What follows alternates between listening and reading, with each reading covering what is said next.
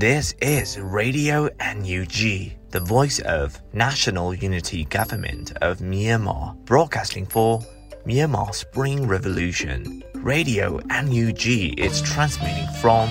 shortwave 16 meter 17.79 megahertz at 8:30 a.m. and 25 meter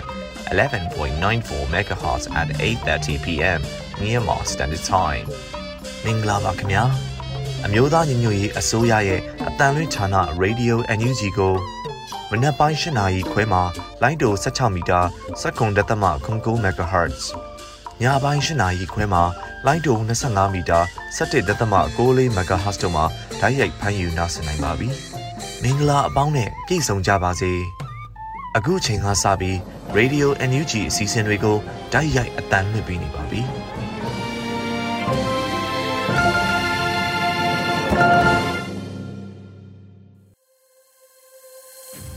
မြန်မာနိုင်ငံသူနိုင်ငံသားပေါင်းတဘာဝပြီးစစ်အာဏာရှင်ဘေးတော်နေကင်းဝေးပြီးကိုစိတ်နှပါကြမ်းမလုံးချုံဘေးကင်းကြပါစေလို့ရေဒီယို UNG အဖွဲ့သားများကဆုတောင်းမေတ္တာပို့သလိုက်ရပါတယ်ရှင်။အခုချိန်ကစပြီးရေဒီယို UNG ရဲ့မနက်ခင်းပြည်တွင်သတင်းများကိုလွေဦးမွန်ကဖတ်ကြားတင်ပြပေးသွားပါမယ်ရှင်။ မင်္ဂလာမနက်ခင်းပါရှင်2023ခုနှစ်နိုဝင်ဘာလ30ရက်နေ့ Radio NUG ပြည်တွင်သတင်းတွေကိုတင်ပြပေးသွားပါမယ်ကျွန်မကတော့ຫນွေဦးမွန်ပါနိုင်ငံခြားရေးဝန်ကြီးဒေါ်စမအောင်အိုဆာကာရှိမြန်မာနိုင်ငံသားများနဲ့တွေ့ဆုံပွဲတွင်ဖဲချိုးဖြူကမ်ပိန်းပါဝင်ဆင်နွှဲခဲ့တဲ့သတင်းကိုဦးစွာတင်ပြပေးပါမယ်မြို့သားညီညွတ်ရေးအစိုးရနိုင်ငံခြားရေးဝန်ကြီးဌာနပြည်ထောင်စုဝန်ကြီးဒေါ်စမအောင်နဲ့ အိုဆာကာရှိမြန်မာနိုင်ငံသားများမြန်မာအရေးကိုထောက်ခံတဲ့ဂျပန်လူမျိုးတွေနဲ့ရင်းရင်းနှီးနှီးတွေ့ဆုံခဲ့တယ်လို့သိရပါတယ်။နှွေမာ26ရက်နေ့ကပြုလုပ်ခဲ့တဲ့အဆိုပါတွေ့ဆုံပွဲမှာမြန်မာနိုင်ငံမှာလက်ရှိဖြစ်ပေါ်နေတဲ့အကြောင်းအရာများရှေ့ဆက်လှုပ်ဆောင်ရမယ့်လုပ်ငန်းစဉ်တွေကိုတင်ပြခဲ့ပြီးတက်ရောက်လာတဲ့သူတွေစီကမိကုန်းတွေကိုပြန်လည်ဖြေကြားပေးခဲ့တယ်လို့ဆိုပါတယ်။ဒါအပြင်မြို့သမီးနဲ့မိန်းကလေးများကိုအကြမ်းဖက်မှုရပ်တန့်စေရလှုပ်ရှားမှုတွေနဲ့ ဖဲချိုးပြူများတက်ဆင်ကတက်ရောက်လာသူများမှပါဝင်ဆင်နွှဲခဲ့ကြတယ်လို့မြို့သမီးလူငယ်နှင့်ကလေးတငယ်ရေးဝန်ကြီးဌာနကသတင်းထုတ်ပြန်ထားပါတယ်။မြန်မာနိုင်ငံတွင်းကတော်လိုင်းအင်အားစုများထိန်းချုပ်ထားတဲ့နေမြေများအတွင်းမြို့သမီးနဲ့မိန်းကလေးများကိုကြမ်းဖက်မှုရပ်တန့်စေရေး16ရက်တာလှုပ်ရှားမှုဖဲချိုးပြူကမ်ပိန်းကိုဝန်ကြီးဌာနနဲ့မြို့နယ်အသီးသီးကတာဝန်ခံများရဲ့ဦးဆောင်မှုနဲ့ပြုလုပ်ခဲ့ကြတယ်လို့ MOWYCA ကသတင်းထုတ်ပြန်ချက်အရသိရပါတယ်ရှင်။ ဂျာကာလာဒေသန္တရပြည်သူ့အုပ်ချုပ်ရေးဖော်ဆောင်မှုဗဟိုကော်မတီနဲ့မန္တလေးတိုင်းမကွေးတိုင်းမြို့နယ်ပြည်သူ့အုပ်ချုပ်ရေးဖွဲ့များတွေ့ဆုံဆွေးနွေးပွဲပြုလုပ်ကျင်းပတဲ့တဲ့ရင်ကိုဆက်လက်တင်ပြပေးပါမယ်။မြို့သားညီညွတ်ရေးအစိုးရဂျာကာလာဒေသန္တရပြည်သူ့အုပ်ချုပ်ရေးဖော်ဆောင်မှုဗဟိုကော်မတီနဲ့မန္တလေးတိုင်းမကွေးတိုင်းမှမြို့နယ်ပြည်သူ့အုပ်ချုပ်ရေးဖွဲ့များတွေ့ဆုံဆွေးနွေးပွဲအစည်းအဝေး40နှစ်မြင့်ဆောင်2023ကိုနွေမာလ29ရက်နေ့နေ့လယ်တနာရီအချိန်မှာကျင်းပပြုလုပ်ခဲ့တယ်လို့သိရပါဗျ။စီဝေးမှာဂျာကာလာဒေသန္တရပြည်သူ့အုပ်ချုပ်ရေးဖော်ဆောင်မှုဗဟိုကော်မတီ ဖွဲ့ဝင်တယန်စာတနှင့်တဘာဝပတ်ဝန်းကျင်ထိန်းသိမ်းဝန်ကြီးဌာနပြည်ထောင်စုဝန်ကြီးဒေါက်တာဒူကောင်မှဖွင့်မစကားပြောကြားခဲ့ပါတယ်။အဲဒီနောက်ဝန်ကြီးဌာနများမှဌာနနဲ့သက်ဆိုင်တဲ့လုပ်ငန်းများကိုမှာကြားဆောင်ရွက်ခဲ့ပြီးမြို့နယ်ပြည်သူ့အုပ်ချုပ်ရေးဖွဲ့ဝင်များမှမူဝါဒလမ်းညွှန်ချက်များလုပ်ငန်းဆောင်ရွက်ချက်များမြေပြင်ခက်ခဲများနဲ့ပတ်သက်ပြီးသိရှိလိုတဲ့အချက်များကိုမေးမြန်းခဲ့ရမှာဝန်ကြီးဌာနတာဝန်ရှိသူများမှပြန်လည်ဖြေကြားခဲ့တယ်လို့သိရပါတယ်။ဆိုပါတွေ့ဆုံပွဲကိုပြည်ထောင်စုဝန်ကြီးဒေါက်တာဒူကောင်မှဦးဆောင်က မြေတဲ့အတွင်းဝင်များတွဲဘက်အတွင်းဝင်များဌာနဆိုင်ရာတာဝန်ရှိသူများနဲ့မန္တလေးတိုင်းမကွေးတိုင်းမှမြို့နယ်ပြည်သူ့အုပ်ချုပ်ရေးဖွဲ့ဝင်များတက်ရောက်ခဲ့ကြပြီးနေ့လယ်2နာရီ45မိနစ်အချိန်မှအစည်းအဝေးကိုရပ်နာခဲ့ပါတယ်ရှင်။ကီယနီပြည်နယ်ခြားကာလအုပ်ချုပ်ရေးလုပ်ငန်းစဉ်များတွင် NUG အနေဖြင့်တစိမ့်တစ်ပိုင်းပူးပေါင်းပါဝင်နေပြီးစီမံဘဏ္ဍာချိတ်ဆက်မှုပိုင်းတွင်ပုံမပူးပေါင်းပါဝင်တဲ့တရင်ကိုဆက်လက်တင်ပြပေးပါမယ်။ ဆီယနာသိမ်းပြီးနောက်ပိုင်းပထမဆုံးဖွဲ့စည်းဆောင်ရွက်ခဲ့တဲ့ကီယနီပြည်ခြားကာလအုပ်ချုပ်ရေးကောင်စီ IEC ရဲ့လုပ်ငန်းစဉ်အချို့မှာမြို့သားညီညွတ်ရေးအစိုးရ NUG အနေနဲ့တစိမ့်တစ်ပိုင်းပူးပေါင်းပါဝင်နေပြီးအဓိကအားဖြင့်စီမံဘဏ္ဍာချိတ်ဆက်မှုအပိုင်းမှာပုံမှုအားကောင်းစွာဆောင်ရွက်နေတယ်လို့သိရပါဗျ။ကင်းဒီပြည်ခြားကာလအုပ်ချုပ်ရေးကောင်စီ IEC ဟာပြည်내ဆိုရတရဲ့အနေနဲ့ရေးရာဌာန12ခုဖွဲ့စည်းထားရှိနိုင်ရန်ရည်ရွယ်ထားပြီးယခုအခါပြည်ထရေးကျန်းမာရေးပညာရေးလူသားစာနာနှင့်ပြည်လဲထူထောင်ရေးကွန်ဗန်နာစီမံ မြို့သမီးနှင့်ကလေးငယ်ရေးရာစသဖြင့်ဌာန6ခုကိုဖွဲ့စည်းထားပြီးဖြစ်တယ်လို့သိရပါတယ်။ NUG နဲ့ IEC ရဲ့အုပ်ချုပ်ရေးပိုင်းတွင်ပါဝင်ဆောင်ရွက်တာထက်ဗဏ္ဍာရေးဆိုင်ရာချိတ်ဆက်မှုများလူသားချင်းစာနာထောက်ထားမှုနဲ့ပြည်လဲထူထောင်ရေးဌာနနဲ့ချိတ်ဆက်မှုများကျန်းမာရေးပညာရေးဌာနများနဲ့ချိတ်ဆက်မှုများရှိနေပြီးအတူပူးပေါင်းဆောင်ရွက်နေကြောင်း IEC ထံကသိရပါဗျ။ဒါအပြင်ပြည်ထောင်စုနဲ့ပြည်내ပေါင်းဆက်ညီနိုင်ကော်မရှင် FSCC ကိုဖွဲ့စည်းထားပြီးဆိုပါကော်မရှင်မှာ NUG မှယာယီသမရနဲ့ဝန်ကြီးချုပ် IEC မှဥက္ကဋ္ဌနဲ့ဒုဥက္ကဋ္ဌ KSCC မှဥက္ကဋ္ဌနဲ့ဒုဥက္ကဋ္ဌတို့ပါဝင်လျက်ရှိရလို့သိရပါဗျ။ဒါအပြင် NUG အစိုးရအနေနဲ့ကင်းဒီပြည်နယ်အတွင်း IEC နဲ့ဗနာငွေမျှဝေသုံးစွဲမှုများရှိနေပြီး NUG လောက်ခံ PDF နဲ့ KA KNDF တို့မှအတူတကွစီးရေးဖော်ဆောင်မှုများရှိကစစ်လက်နက်နဲ့ထောက်ပံ့ရေးပစ္စည်းများကိုမျှဝေသုံးစွဲမှုရှိတယ်လို့ Frontier မြန်မာကို IEC ဒုဥက္ကဋ္ဌခွန်ဘီထူရဲ့ဖြေကြားချက်အရသိရပါတယ်။ ကင်းဒီပြည်ကြားကာလအုပ်ချုပ်ရေးကောင်စီ IEC ဟာစစ်တပ်ကအာဏာသိမ်းပြီးနောက်2021ခုနှစ်ဧပြီလ9ရက်နေ့မှာဖွဲ့စည်းခဲ့တဲ့ကင်းဒီပြည်နယ်တိုင်ပင်ခံကောင်စီ KSCC လက်အောက်မှာရှိနေပြီး KSCC ရဲ့နိုင်ငံရေးလမ်းညွှန်မှုနဲ့ပြည်내ဆိုရတရက်အနေနဲ့ရပ်တည်နေတာဖြစ်ပါတယ်ရှင်။လိုင်ကောတက်ကဒမကဲထုတ်ခဲ့သောနန်စီရီယန်ဝန်ထမ်းနဲ့မိသားစုများကိုအနေနဲ့နဲ့ပေးပါချုပ်ဒူးကျုံနဲ့၎င်းတို့ရဲ့မိသားစုဝင်များကိုဥပဒေနဲ့ညီတရားစွဲဆိုတဲ့တဲ့ရင်ကိုဆက်လက်တင်ပြပေးပါမယ်။ ရိုင်ကိုတက်တို့ကနေကဲထုတ်ခဲ့တဲ့နန်စီရီယန်ဝန်ထမ်းနဲ့မိသားစုတွေကိုနန်းနေနန်းပေးခဲ့ပြီးပါမောက်ခချုပ်ဒုတိယပါမောက်ခချုပ်ပါဝင်၎င်းတို့ရဲ့မိသားစုဝင်တွေကိုဥပဒေနဲ့ညီတရားစွဲဆိုရေးယူသွားမှာဖြစ်တယ်လို့ယင်းဒီပြည်ကြားကာလအုပ်ချုပ်ရေးကောင်စီကနိုဝင်ဘာလ29ရက်နေ့မှာထုတ်ပြန်လိုက်ပါတယ်။ရိုက်ကော်တက်ကတူကနေကဲထုတ်ခဲ့တဲ့နန်စီရီယမ်ဝန်ထမ်းနဲ့ မိသားစုဝင်တွေကိုအထူးစုံစမ်းစစ်ဆေးအဖွဲ့ကစုံစမ်းစစ်ဆေးမှုတွေပြုလုပ်ခဲ့ပြီးတဲ့နောက်ဂျမတ်စစ်ကောင်စီနဲ့ပတ်သက်ဆက်နွယ်မှုမရှိတဲ့နန်စီရန်ဝန်ထမ်းနဲ့ပြည်သားစုဝင်စုစုပေါင်း193ဦးကိုခံဝင်ကြိလက်မှတ်ရေးထိုးစေပြီးနွေမာလာ28ရက်နေ့မှာနန်းနေနံပေးလိုက်တာလို့ထုတ်ပြန်ချက်အရသိရပါဗျ။ ဂျမစစ်ကောင်စီနဲ့ပူးပေါင်းဆောင်ရွက်ရမှာအဓိကတာဝန်ရှိသူတွေဖြစ်တဲ့လိုင်ကော်တက်ကတူပါမောက်ခချုပ်နဲ့ဒုတိယပါမောက်ခချုပ်ပါဝင်ဝန်ထမ်းကောင်းနဲ့၎င်းတို့မိသားစုဝင်တွေကိုတော့ကင်းနီပြည်နယ်ရဲဌာနကတရားလိုတွေနဲ့အမှုဖွင့်တရားစွဲဆိုကသက်ဆိုင်ရာတရားစီရင်ဌာနကိုလွှဲပြောင်းပြီးဥပဒေနဲ့ညီတရားစွဲဆိုရေးယူသွားမှာဖြစ်တယ်လို့သိရပါတယ်။ ဂျမတ်စစ်ကောင်စီနဲ့ဓာတ်ရိုက်ပတ်သက်ဆက်နွယ်နေတဲ့စစ်တပ်မိသားစုဝင်၃ဦးကိုတော့စစ်ဘက်ဆိုင်ရာအုပ်ရေးနဲ့ညီစုံစမ်းစစ်ဆေးမှုတွေဆက်လက်ပြုလုပ်နိုင်မှုသက်ဆိုင်ရာစစ်ခုံရုံးကိုလွှဲပြောင်းပြီးရေးယူမှာဖြစ်တယ်လို့ထုတ်ပြန်ချက်မှာဖော်ပြထားပါတယ်။စီရေးရှင်ယခုထက်ပိုမြင့်လာအောင်မှာဖြစ်တဲ့အတွက်စစ်ကောင်စီလက်အောက်မှာတာဝန်ထမ်းဆောင်နေတဲ့တပ်မတော်သားများရဲဝန်ထမ်းတွေနဲ့ဌာနဆိုင်ရာတည်တည်ကဝန်ထမ်းများအားလုံးပြည်သူလူထုနဲ့ဒူတသားတွေရဲ့တွေ့ပြီးတော်လိုင်းအင်အားစုတွေနဲ့အမြန်ဆုံးပူးပေါင်းပါဝင်ကြဖို့ကင်းဒီပြေချာကာလအုပ်ချုပ်ရေးကောင်စီကထုတ်ပြန်ထားပါတယ်ရှင်။ စစ်တပ်ကနှစ်ပေါင်း30နီးပါးထိန်းချုပ်ထားသောကုန်းချမ်းတပ်စခန်းကို MNDAA သိမ်းပိုင်ခလိုက်ရတင်းငါတက်တရင်လိုက်လင်းဝင်တဲ့တဲ့ရင်ကိုလည်းတင်ပြပေးပါမယ်။ကိုကန်ဒေတာမှာနှစ်ပေါင်း30နီးပါးထိန်းချုပ်ထားတဲ့အကြမ်းဖက်စစ်ကောင်စီရဲ့ကုန်းချမ်းတပ်စခန်းကို MNDAA ကတိုက်ခိုက်သိမ်းပိုက်ခဲ့ပြီးခလိုက်ရတင်းငါတရင်ကတရင်မှုဦးဆောင်ပြီးတရင်လိုက်လင်းဝင်လာတယ်လို့ကိုကန်တပ် MNDAA ကနွေမာလ29ရက်နေ့ညမှာထုတ်ပြန်လိုက်ပါတယ်။ ရှင်ဝမ်ဒေသကုန်းစန်းနေရာမှာတက်ဆွဲထားတဲ့ဂျမတ်စစ်ကောင်စီတပ်ကို MND ကနိုဝင်ဘာလ24ရက်နေ့ကစပြီးထိုးစစ်ဆင်တိုက်ခိုက်ခဲ့ရာနိုဝင်ဘာလ28ရက်နေ့မှာကုန်းစန်းတပ်စခန်းကြီးတစ်ခုလုံးကိုပြီးသက်သိမ်းယူနိုင်ခဲ့တာလို့သိရပါဗျ။သမိုင်းဝင်ဆအောင်ပွဲကြီးလို့သတ်မှတ်နိုင်တဲ့အောင်မြင်မှုတစ်ခုကိုထပ်မံဖော်ဆောင်နိုင်ခဲ့တာလို့ MNDA ကညွှန်းဆိုထားပါတယ်။ MNDA ကကုန်းစန်းဒေသမှာတက်ဆွဲထားတဲ့စစ်ကောင်စီတပ်စခန်း၅ခုနဲ့ ဘေးပတ်လည်မှာရှိတဲ့ယာယီစခန်းတွေကိုသိမ်းပိုက်ရမှာ MND ရဲ့ရှေးဟုံနဲ့ပြစ်ခတ်တိုက်ခတ်မှုတွေကြောင့်ရှေ့မြောက်တိုင်းစစ်ဌာနချုပ်လက်အောက်ခံခလိုက်ရတင်းငါတရင်ကတရင်လုံးအလံပြူထောင်ပြီးလက်နက်ချအလင်းဝင်ဖို့အချက်ပြခဲ့တယ်လို့သိရပါတယ်။ခလိုက်ရတင်းငါတရင်ကတရင်မှုဟာရဲဘော်တယောက်နဲ့တူ MND ရဲ့ထက်ရောက်ရှိလာပြီးဒဏ်ရာရလူနာတွေကိုကုသကယ်ဆယ်ပေးဖို့နဲ့မိသားစုဝင်များနေထိုင်ရေးနေရာချထားပေးရန်အကူအညီတောင်းခံခဲ့တာကိုသဘောတူညီပြီးတဲ့နောက်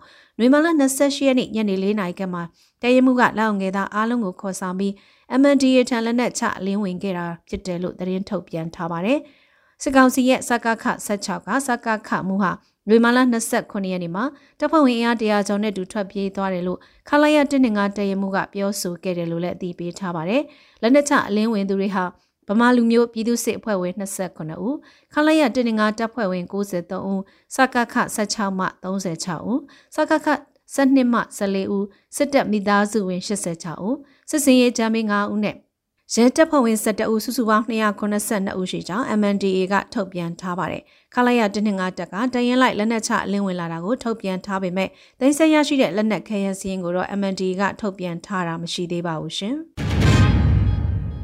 ချင်းရွှေဟော်လာဝကရုံမဝန်ထမ်းများဒုက္ခသည်ဖြစ်ရုပ်ပြက်ကလောက်ကိုင်းမှထွက်ပြေးစဉ်ဖမ်းဆီးရမိတဲ့တဲ့ရင်ကိုလည်းတင်ပြပေးပါမယ်။ကိုကန့်ဒေသချင်းရွှေဟော်မြို့ရှိအကြမ်းဖက်စစ်ကောင်စီလက်အောက်ခံလူမှုကြီးကြပ်ရေးရုံးကဝန်ထမ်းတွေဒုက္ခသည်ဖြစ်ရုပ်ပြက်ပြီးလောက်ကိုင်းကနေထွက်ပြေးချိန်မှာဖမ်းဆီးရမိခဲ့တယ်လို့ကိုကန့်တက် MNDA ကနွေမာလ29ရက်နေ့မှာထုတ်ပြန်လိုက်ပါတယ်။ချင်းရွှေဟော်မြို့လူမှုကြီးကြပ်ရေးရုံးလာဝကက တာဝန်ခံတဦးနဲ့ဒုတာဝန်ခံ3ဦးဟာမိသားစုနဲ့ဒုဒုက္ခသည်ဖြစ်ရုပ်ဖြတ်ပြီးမြန်မာပြည်ရင်းကိုပြန်ဝင်မှုစ조사ခဲ့တဲ့နွေမလာ29ရက်နေ့ညမှာဖမ်းဆီးနိုင်ခဲ့တာလို့သိရပါတယ်။ချင်းရွှေဟောလာဝကယုံတာဝန်ခံစိုးသက်ချမ်းဒုတာဝန်ခံတွေဖြစ်တဲ့ကျော်စောလင်းဝင်းထွန်းနဲ့ဝင်းညိုဦးတို့ဟာတစ်တုံညာနှစ်ကိုစစ်စင်စတင်ခဲ့တဲ့အော်တိုဘာလ29ရက်နေ့ကစပြီးမိသားစုတွေနဲ့တူတရုတ်နိုင်ငံဘက်ချမ်းမှာရပ်ပေါင်းများစွာတိန်းရှောင်နေထိုင်ခဲ့ပြီးတဲ့နောက် ကိုကန့်ဒေသတင်းနေကနေဆက်ဂိတ်ကနေလောက်ကိုင်းကိုပြန်ဝင်လာတာဖြစ်တဲ့ကြောင့်ဝန်ခံထွက်ဆိုခဲ့တယ်လို့သိရပါဗျ။ချင်းရွှေဟော့လာဝကယုံတာဝန်ခံစိုးသက်ချမ်းရဲ့ဇနီးဟာချင်းရွှေဟော့မြို့မှာတိုက်ပွဲစတင်ခဲ့တဲ့နေ့မှာပဲသေဆုံးခဲ့တယ်လို့သိရပါဗျ။ဖမ်းဆီးရမိတဲ့လာဝကယုံတာဝန်ခံတဲ့မိသားစုတွေကိုတရက်တာချုံနှောင်စစ်ဆေးခဲ့ပြီးနွေမလ28ရက်နေ့မှာလူသားချင်းစာနာထောက်ထားတဲ့အနေနဲ့လူငင်းချမ်းသာခွင့်ပေးလိုက်တယ်လို့ MNDA ကထုတ်ပြန်ထားပါတယ်။လူငင်းချမ်းသာခွင့်ပေးချိန်မှာ MNDA ရဲ့နိုင်ငံရေးအမှတ်ချက်တွေကိုရှင်းပြခဲ့ပြီး စစ်ကောင်စီလက်အောက်မှာထပ်မံတာဝန်မထမ်းဆောင်မှု MNDA နဲ့တိုင်းရင်းသားတွေရဲ့အကျိုးကိုထိခိုက်စေမဲ့အလုပ်တွေမလုပ်ဖို့သတိပေးတားမြစ်ခဲ့တယ်လို့ကိုကန့်တက် MNDA ကထုတ်ပြန်ထားပါတယ်။ MNDA ဘက်ကသက်ဆိုင်ရာလမ်းကြောင်းတွေဖွင့်ပေးပြီးတဲ့နောက်လောက်ကင်မှာပိတ်မိနေတဲ့ဒုက္ခသည်တွေချင်းရွှေဟော်ကနေတဆင့်လုံခြုံတဲ့နေရာမှာပြန်လည်ရွှေ့ပြောင်းနေထိုင်လျက်ရှိတာမှာလက်ရှိချိန်ထိဒုက္ခသည်3000ကျော်ကိုလုံခြုံတဲ့နေရာကိုရွှေ့ပြောင်းပေးနိုင်ခဲ့ပြီလို့သိရပါတယ်ရှင်။ ဒီချိုင်းမြို့နယ်တွင်နန်းစီနယ်ဝန်ထမ်းများဒီဇင်ဘာ29နောက်ဆုံးထားအလင်းဝင်ရန်သတိပေးတဲ့သတင်းကိုလည်းတင်ပြပေးပါမယ်။စကိုင်းတိုင်းထိချိုင်းမြို့နယ်အတွင်းမှာရှိတဲ့နန်းစီတဲ့ဝန်ထမ်းများအားလုံးဒီဇင်ဘာလ29ရက်နေ့နောက်ဆုံးထားပြီးအလင်းဝင်ကြဖို့ထိချိုင်းမြို့နယ်ပြည်သူ့အုပ်ချုပ်ရေးအဖွဲ့ကသတိပေးချက်ထုတ်ပြန်လိုက်ပါတယ်။စစ်ကောင်စီလက်အောက်မှာတာဝန်ထမ်းဆောင်နေတဲ့နန်းစီရန်ဝန်ထမ်းတွေအနေနဲ့လက်ရှိဆောင်ရွက်နေတဲ့ရုံးလုပ်ငန်းတွေကိုရပ်တန့်ပြီးဌာနဆိုင်ရာဆောင်ရွက်စာတမ်းတွေပြည်သူပိုင်ပစ္စည်းတွေနဲ့အတူမြို့သားညီညွတ်ရေးအစိုးရထံမှအလင်းဝင်ကြဖို့ထိချိုင်းမြို့နယ်ပြည်သူ့အုပ်ချုပ်ရေးဘက်က နွေမာလ29ရက်နေ့ရက်စွဲနဲ့ထုတ်ပြန်လိုက်တာပါအလင်းဝင်မဲ့နန်းစီတဲ့ဝန်ထမ်းတွေအနေနဲ့အစိုးရဌာနဆိုင်ရာသို့မဟုတ်ဒေသဆိုင်ရာအာဏာပိုင်တို့ကပိုင်ဆိုင်သည့်သို့မဟုတ်လွှဲအပ်ထားသည့်သို့မဟုတ်အသုံးပြုရန်ကြံရွယ်ထားသည့်သို့လောင်ပစ္စည်းသို့မဟုတ်ပစ္စည်းကိရိယာတစားပလာသို့မဟုတ်အခြားပစ္စည်းတွေကိုမြို့နယ်ပြည်သူ့အုပ်ချုပ်ရေးဖွဲ့ထံမှစနစ်တကျအနှံနိုင်ဖို့ကြိုတင်ပြင်ဆင်ထားရမယ်လို့လည်းထုတ်ပြန်ချက်မှာဖော်ပြထားပါတယ်ဒီဇင်ဘာလ29ရက်နေ့အတွင်းအလေးမွေနဲ့နန်းစီရီယန်ဝန်ထမ်းတွေကိုတီဆဲဥပဒေနဲ့ညီထိရောက်တဲ့ ပြစ်ပေးအရေးယူမှဖြစ်တဲ့အတွက်ပြည်သူလူထုဘက်ကရက်တေးပြီးအလင်းဝင်ကြဖို့လည်းသတိပေးထားပါတယ်။ဒါ့အပြင်နိုင်ငံတော်ဝလုံးမှာရှိတဲ့နန်းစီတန်ဝန်ထမ်းတွေအနေနဲ့မြို့သားညီညွတ်အစိုးရထံမှအလင်းဝင်မဲ့ဆိုရင်မိမိတို့ရောက်ရှိနေတဲ့မြို့နယ်ပြည်သူ့အုပ်ချုပ်ရေးဖွဲ့ထံဆက်သွယ်ပြီးအလင်းဝင်နိုင်တယ်လို့လည်း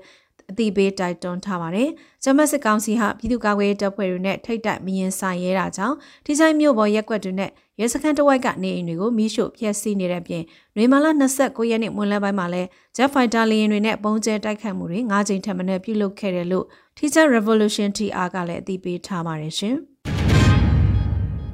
ကီးမြို့နယ်ကျေးရွာနှစ်ခုတွင်ကျေးရွာပြည်သူ့အုပ်ချုပ်ရေးဖွဲ့နဲ့ကျေးရွာပြည်သူ့ကာကွယ်ရေးဖွဲ့များဖွဲ့စည်းဆောင်ရွက်တဲ့တဲ့ရင်ကိုလည်းတင်ပြပေးပါမယ်။စကိုင်းတိုင်းရွှေဘုတ်ခရိုင်ကီးမြို့နယ်ရှိကျေးရွာနှစ်ရွာမှာကီးမြို့နယ်ပြည်သူ့အုပ်ချုပ်ရေးဖွဲ့နဲ့မြို့နယ်ပြည်သူ့ကာကွယ်ရေးဖွဲ့တို့မှနွေမာလာ28ရက်နေ့နေ့လယ်တနာရီချိန်မှာ တစ်နှစ်ကို133ညရွာများသောခြေရွာပြည်သူ့အုပ်ချုပ်ရေးအဖွဲ့နဲ့132 133ရွာများသောခြေရွာပြည်သူ့ကာကွယ်ရေးအဖွဲ့များကိုပြည်သူလူထုများဆန္ဒနဲ့ညီဆိုပြုထောက်ခံအတည်ပြုဖွဲ့စည်းဆောင်ရွက်ခဲ့တယ်လို့သိရပါတယ်။ခင်းမြို့နယ်ပြည်သူ့အုပ်ချုပ်ရေးအဖွဲ့အနေနဲ့မြို့သားညီညွတ်အစိုးရဂျာကာလာဒေသနာပြည်သူ့အုပ်ချုပ်ရေးဖော်ဆောင်မှုဗဟိုကော်မတီမှချမှတ်ထားတဲ့မူဝါဒလမ်းညွှန်ချက်များနဲ့ညီ ကာကွယ်ရေးအုပ်ချုပ်ရေးပြည်သူ့ဝန်ဆောင်မှုလုပ်ငန်းများတရားဥပဒေစိုးမိုးရေးလုပ်ငန်းများစနစ်တကျဆောင်ရွက်သွားနိုင်ရန်ခြေရွာပြည်သူ့အုပ်ချုပ်ရေးဖွဲ့နဲ့ခြေရွာပြည်သူ့ကာကွယ်ရေးဖွဲ့များဖွဲ့စည်းဆောင်ရွက်နေတယ်လို့သိရပါတယ်။ဆိုပါဖွဲ့စည်းမှုကိုခင်းမြို့နယ်ပြည်သူ့အုပ်ချုပ်ရေးဖွဲ့ကောင်းဆောင်မြို့နယ်ပြည်သူ့ကာကွယ်ရေးတာဝန်ခံပြည်သူ့ရင်ဝင်မြို့နယ်တရားရေးဥက္ကဋ္ဌနဲ့အဖွဲ့မြို့နယ်လူသားစာနာတာဝန်ခံမြို့နယ်သတင်းပြန်ကြားတာဝန်ခံ မြို့နယ်မြို့သမီးလူငယ်နှင့်ကလေးတငယ်ရေးရာတာဝန်ခံမြို့နယ်ရုံးဖွဲ့မှုမြို့နယ်ပကဖစီရေးတာဝန်ခံထောက်ပို့တာဝန်ခံတိုက်နယ်ကောင်းဆောင်ဒုကောင်းဆောင်နဲ့ဖွဲ့ဝင်များနဲ့ပြည်သူများတက်ရောက်ခဲ့ကြပြီးညနေ3နာရီချိန်မှာရန်နာခဲ့တယ်လို့သိရပါတယ်ရှင်။ပြန်ကြားရေးဝန်ကြီးဟောင်းဦးရဲ့တို့ကိုစစ်ကောင်စီကထောင်ဒဏ်10နှစ်ချမှတ်တဲ့သတင်းကိုဆက်လက်တင်ပြပေးပါမယ်။ ပြန်ကြားရေးဝန်ကြီးဟောင်းဦးရဲ့တို့ကိုနိုင်ငံတော်အကြီးအကျယ်ပြည့်စင်မှုစစ်ကောင်စီနဲ့စစ်တပ်ကိုဟန်တာနှောက်ယှက်မှုတို့နဲ့စစ်ကောင်စီကထောင်ဒဏ်10နှစ်ချမှတ်လိုက်တယ်လို့သိရှိရပါတယ်။ဦးသိန်းစိန်ဆိုရလက်ထက်ပြန်ကြားရေးဝန်ကြီးဟောင်းဦးရဲ့တို့ကိုနွေမလ29ရက်နေ့ကပုံမှ124ကာကြီးအရထောင်ဒဏ်9နှစ်နဲ့ပုံမှ935ကာကြီးအရထောင်ဒဏ်3နှစ်ချမှတ်ခဲ့တာဖြစ်ပါတယ်။အော်တိုဘာလ28ရက်နေ့ည8:30မိနစ်အချိန်မှာရန်ကုန်တိုင်းစစ်ဌာနချုပ်ကဥယျာဉ်ထွေရဲ့လူမှုကွန်ရက်ရေးသားချက်များဟာ ပြည်သူလူထုကိုထိတ်လန့်စေရန်ကြံရွယ်ပြီးမဟုတ်မမှန်သတင်းများဖြန့်ဝေခြင်းဆိုရဝန်ထမ်းများကိုပြစ်မှုကျူးလွန်လာစေရန်ရည်ရွယ်လှုံ့ဆော်ရဲဆိုပြီးအလုံရဲစခန်းမှာအမှုဖွင့်ဖမ်းဆီးခဲ့တာဖြစ်ပါတယ်။ပြန်ကြားဝန်ကြီးဟောင်းဦးရဲထွတ်ကဆီယနာသိမ်းမှုကိုစန့်ကျင်တဲ့ရေးသားမှုတွေကိုလူမှုကွန်ရက်ပေါ်မှာတိုက်ရိုက်တော်၎င်း၊သွယ်ဝိုင်းရေးတော်၎င်းရေးသားဖော်ပြခဲ့ပါတယ်ရှင်။ခုတင်ပြခဲ့တဲ့သတင်းတွေကို Radio NUG သတင်းတောက်ကိုခန့်နဲ့မင်းစစ်သွေးတို့မှပေးပို့ထားတာဖြစ်ပါတယ်ရှင်။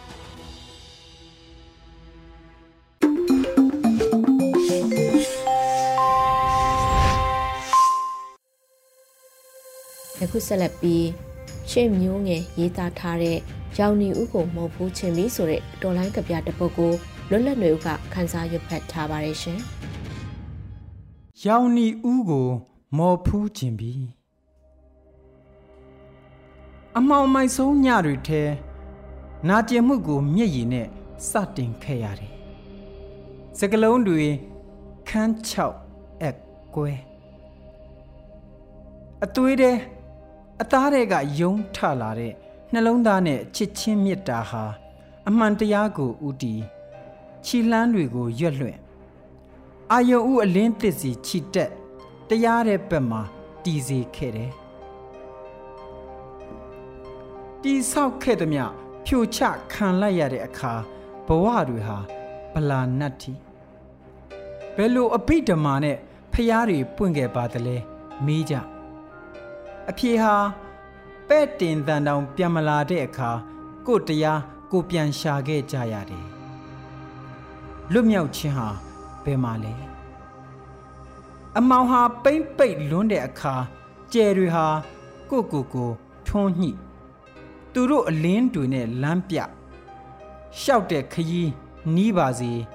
ပွင့်တဲ့ပန်းတွေလှပါစေ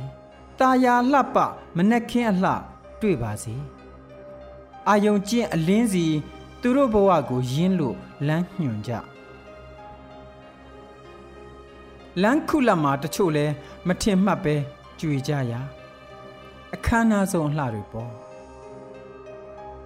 လောကရဲ့တရားမှာ အမှောင်ကို အလင်းဟာအနိုင်ရစမြဲမဟုတ်လားဒီလိုတရားကို နာကြားခြင်းပါရဲ့အနိုင်အရှုံးအလင်းအမှောင် အမှန်အမှားလောကရန်တရားဟာအလှဲ့ကြပေါ့မငင်းဆန်ခဲ့ပါဘူးအလိုက်သင့်လွင့်မျောခဲ့ရတယ်လမ်းခုလမှာကျဲတွေကြွေတဲ့လားမကြွေပါဘူးကျဲတွေဟာလင်းမြဲလင်းဆဲပါပဲကျဲတွေဟာကြွေပြီးသွားတဲ့အခါသူတို့အလင်းဟာအလင်းနှစ်တန်းပေါင်းများစွာတည်ရှိနေကြတာပဲလေ။အိုးချစ်တော်ကျဲများ တင်တို့အလင်းတွေထာဝရတည်ပါစေအမောင်တို့ကို ထိုးခွဲပစ်လိုက်ဖို့နှလုံးသားမှာစိုက်ပျိုးခဲ့တဲ့ကြယ်ပန်းတွေတတော်လုံးဝေနေပြီ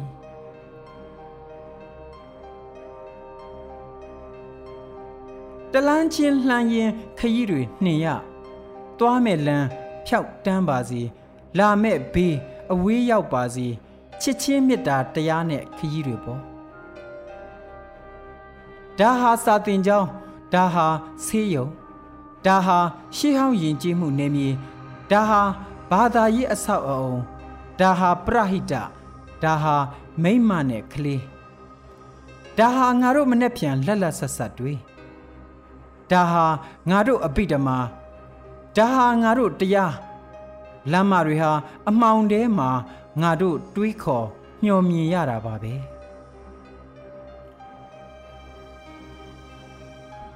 အမောင်ဆုံးညတွေဖြတ်ကျော်သွားဖို့ညလင်းမိအိမ်လည်းမရှိ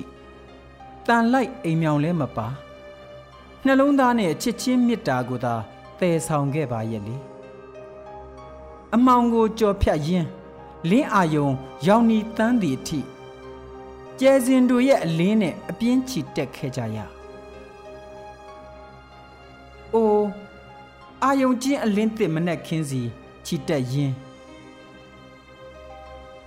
ရောင်နီဥကို မော်ဖူးခြင်းစမ်းလှပြီလေ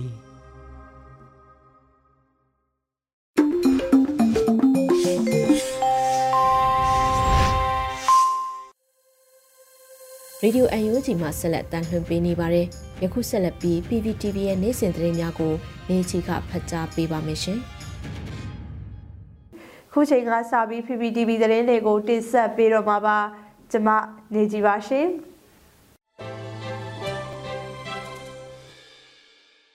ထမဆုံးတင်ဆက်ပေးမယ့်သတင်းကတော့ဂျာကာလာဒေသနာရပြည်သူ့အုပ်ချုပ်ရေးဖော်ဆောင်မှုဗဟိုကော်မတီနဲ့ရန်ကုန်တိုင်းမြို့နယ်ပြည်သူ့အုပ်ချုပ်ရေးအဖွဲ့များတွဲဆုံဆွေးနွေးတဲ့သတင်းပါ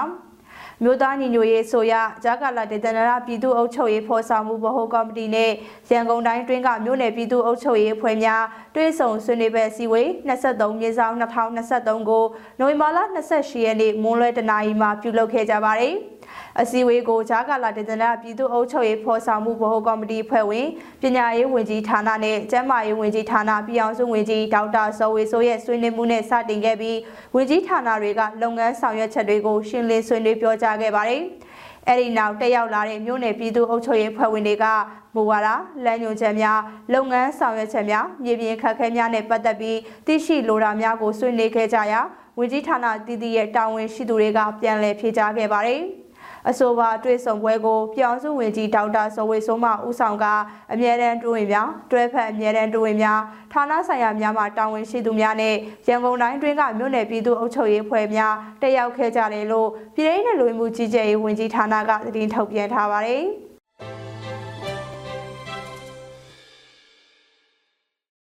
အခုဆက်လက်တင်ဆက်ပေးမှာကတော့လှိုင်းလင်းပြီးမြို့ကိုပြည်သူ့အုပ်ချုပ်ရေးအဖြစ်အကောင့်ထဲပေါ်သွားမယ်လို့ချင်းမျိုးသားတပ်ဦး CNN CNA ထုတ်ပြန်လိုက်တဲ့သတင်းမှာ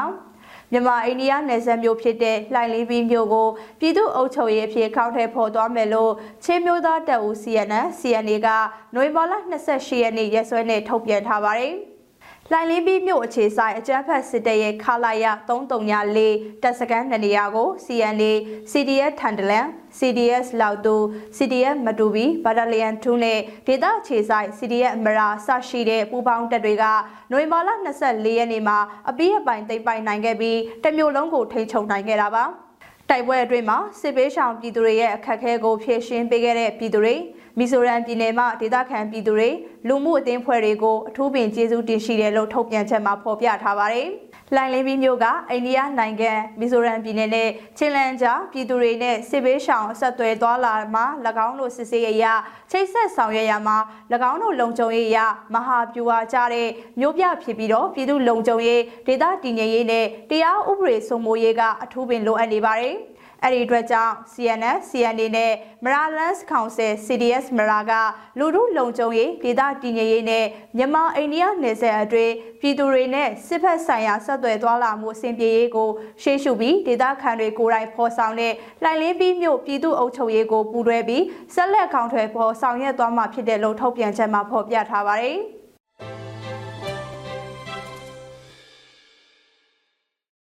ဆက်လက်တင်ဆက်ပေးမှာကတော့လွေဦးတော်လိုင်းရဲ့ကာလအတွင်းကြာဆုံးခဲ့ရသူပေါင်း4203အထိရှိနေခဲ့ပြီလို့ AAPP ထုတ်ပြန်လိုက်တဲ့သတင်းပါအကြမ်းဖက်စစ်တပ်ကအာဏာသိမ်းပြီးနောက်အယက်သားပြည်သူတွေကိုတပ်ဖြတ်လျက်ရှိရမှာနိုဝင်ဘာလ28ရက်နေ့ထိစီးရင်နေရကြာဆုံးခဲ့ရသူ4203အထိရှိနေခဲ့ပြီဖြစ်တယ်လို့နိုင်ငံရေးကျင်းသားများကူညီစောက်ရှောက်ရေးသင်း AAPP ကထုတ်ပြန်လိုက်ပါတယ် နိုင်ငံရေးကျင်းသားများကူညီစောက်ရှောက်ရေးသင်း AAPP ရဲ့မှတ်တမ်းပြုချက်တွေအရ2021ခုနှစ်ဖေဖော်ဝါရီလ1ရက်နေ့ကနေ2023ခုနှစ်နိုဝင်ဘာလ28ရက်နေ့အထိဖမ်းဆီးချုံနှောင်ခြင်းခံထားရသူစုစုပေါင်း1915ဦးရှိပြီး၎င်းတို့နဲ့မှာ8195ဦးမှာထောင်ဒဏ်ချမှတ်ခြင်းခံထားရတယ်လို့ဖော်ပြထားပါတယ်။ပြည်ထန်ချမှတ်ခံထားရသူတွေမှာ120ဦးကဒေသချမှတ်ခြင်းခံထားရတာပါ။ မျက်ကွယ်သေးတံချမှတ်ခံထားရသူ53ဦးအပါအဝင်119ဦးမှာမျက်ကွယ်ပြည်တံချမှတ်ခြင်းခံထားရတယ်လို့ဆိုပါတယ်။အဲ့ဒီစင်းတွေရတေးတန်းချမှတ်ခြင်းခံထားရသူစုစုပေါင်း163ဦးထိရှိနေခဲ့ပြီဖြစ်တယ်လို့လည်းဖော်ပြထားပါတယ်။အာမခံတဲ့လွတ်မြောက်လာသူက24ဦးရှိပြီးပြန်လည်လွတ်မြောက်လာတဲ့အရေအတွက်က9953ဦးထိရှိတယ်လို့ဆိုပါတယ်။ ဖော်ပြပါကိန်းခနဲ့ရေအတွက်တွေက AAPP မှကောက်ယူထားတဲ့ရေအတွက်ဖြစ်ပြီးမြေပြင်မှာဖြစ်ပွားနေတဲ့ချက်လက်နဲ့ကိန်းကလန်းရေအတွက်တွေကယခုထက်ပုံမများပြားနိုင်တယ်လို့ဖော်ပြထားသလိုအချက်လက်တွေထပ်မံရယူကောက်ရှိရယူပါကဆက်လက်ထဲသွင်းဖော်ပြထားမယ်လို့ဆိုပါတယ်။ အရက်ဖက်ဖွဲ့စည်းရဲ့ခေါင်းဆောင်တွေအရက်သားတွေတက်ကြွလှုပ်ရှားသူတွေတရင်သမားတွေ CDN လှုပ်ရှားနေတဲ့ဝန်ထမ်းတွေစတဲ့နေပယ်တီးတီးကမြည်သူမစိုးဖမ်းဆီးထိန်သိမ်းတရားစွဲဆိုခြင်းခံထားရတာတွေနဲ့နေဦးဒေါ်လာရဲ့ကာလအတွင်းကြာဆုံးသွားသူတွေရဲ့အချက်လက်တွေကိုသိရှိပါကနိုင်ငံရေးကျင်းသားများကူညီစောင့်ရှောက်ရေးတင် AABB ကိုဆက်သွယ်ဖို့လည်းဖော်ပြထားပါတယ်။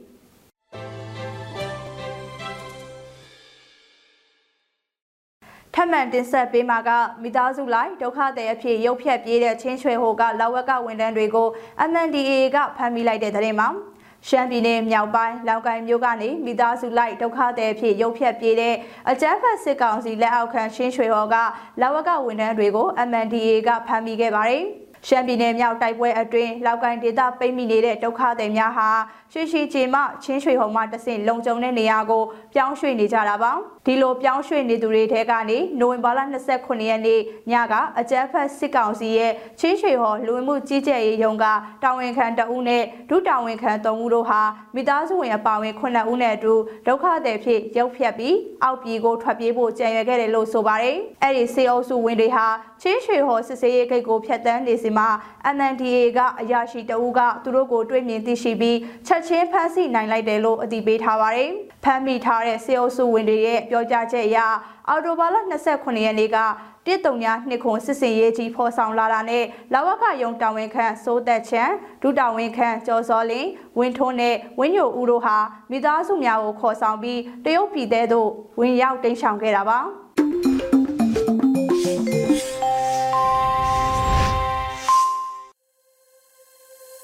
ဆက်လက်ပြီးတော်လိုင်းတေဂီတအစီအစဉ်ကနေရဲဘော် Skyboy ခက်တက်ဒူပါရေးသားတည်ဆိုထားတဲ့ သူရဲကောင်းတို့ထွန်းကားရမည်ဆိုတဲ့ဒေသချင်းကိုနားဆင်ခန်းစားကြည့်ကြရအောင်ရှင်။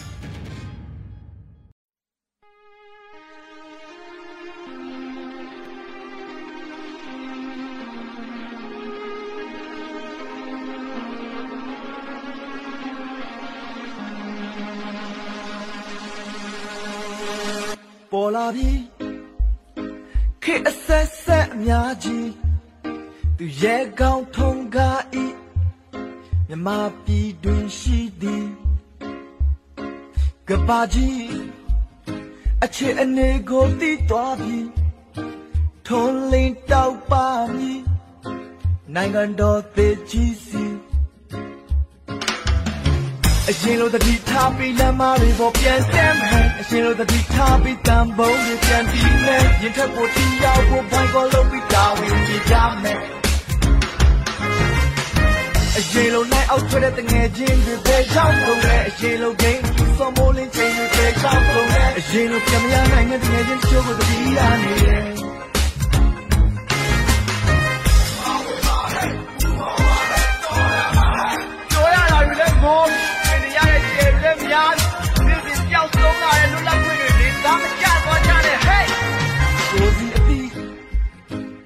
အချိန်သိအရေးကြီးအ မေစကားပြန်ကြမိပြည်သူသားရှိသည်ဒေါ်လာမီဒေါ်လာမီအာဇာမီသွေးစီအာဇာမီသွေးဟဲ့ပန်းစေချီအများကြီးဟာနိုင်ကိုနိုင်ရမည်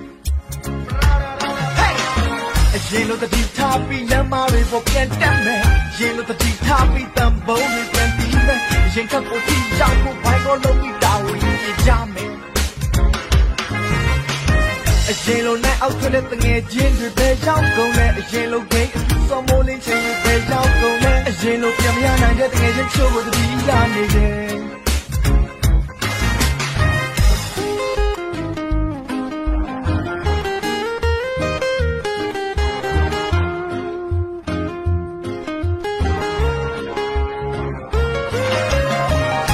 လိုတတိထားပြီးလမ်းမတွေပေါ်ပြန်တက်မယ်အ ရင်လိုတတိထားပြီးတန်ပုံးတွေပြန်ပြီးမယ်ရင်ထက်ပေါ်ချီရောက်ဖို့ဘိုင်းကိုလုံးပြီးတာဝန်ကြီးကြမယ်အရင်လိုနိုင်အောက်ထွက်တဲ့တငယ်ချင်းတွေပဲရောက်ကုန်လေအရင်လိုဂိမ်းစောမိုးလင်းချိန်တွေပဲရောက်ကုန်လေအရင်လိုပြန်မရနိုင်တဲ့တငယ်ချင်းချိုးကိုတတိရနေလေဒီကနေ့ကတော့ဒီညနေပဲ Radio NUG ရဲ့အစည်းအဝေးတွေကိုခਿੱတရနာလိုက်ပါမယ်။ မြန်မာစံတော်ချိန်မနက်၈နာရီခွဲနဲ့ည၈နာရီခွဲအချိန်တွေမှာပြန်လည်ဆုံးဖြတ်ကြပါစို့။ Radio NUG ကိုမနက်ပိုင်း၈နာရီခွဲမှာလိုင်းဒို16မီတာစက္ကန့်တသမ9 MHz ညပိုင်း၈နာရီခွဲမှာလိုင်းဒို25မီတာ17သမ6 MHz တို့မှာဓာတ်ရိုက်ဖမ်းယူနားဆင်နိုင်ပါပြီ။မြန်မာနိုင်ငံသူနိုင်ငံသားများကိုစိတ်နှပြကျန်းမာချမ်းသာလို့ဘေးကင်းလုံခြုံကြပါစေလို့ Radio NUG အဖွဲ့သူအဖွဲ့သားများကဆုတောင်းလိုက်ရပါတယ်။အမျိုးသားညီညွတ်ရေးအစိုးရရဲ့စက်သွေးရေးတရင်အချက်အလက်နဲ့ဤပညာဝန်ကြီးဌာနကထုတ်လွှင့်နေတဲ့ Radio NUG ဖြစ်ပါတယ်။ San Francisco Bay Area အခြေစိုက်မြန်မာမိသားစုများနဲ့နိုင်ငံတကာကစေတနာရှင်များလှုပ်အားပေးများရဲ့ Radio NUG ဖြစ်ပါတယ်။အရေးတော်ပုံအောင်ရမည်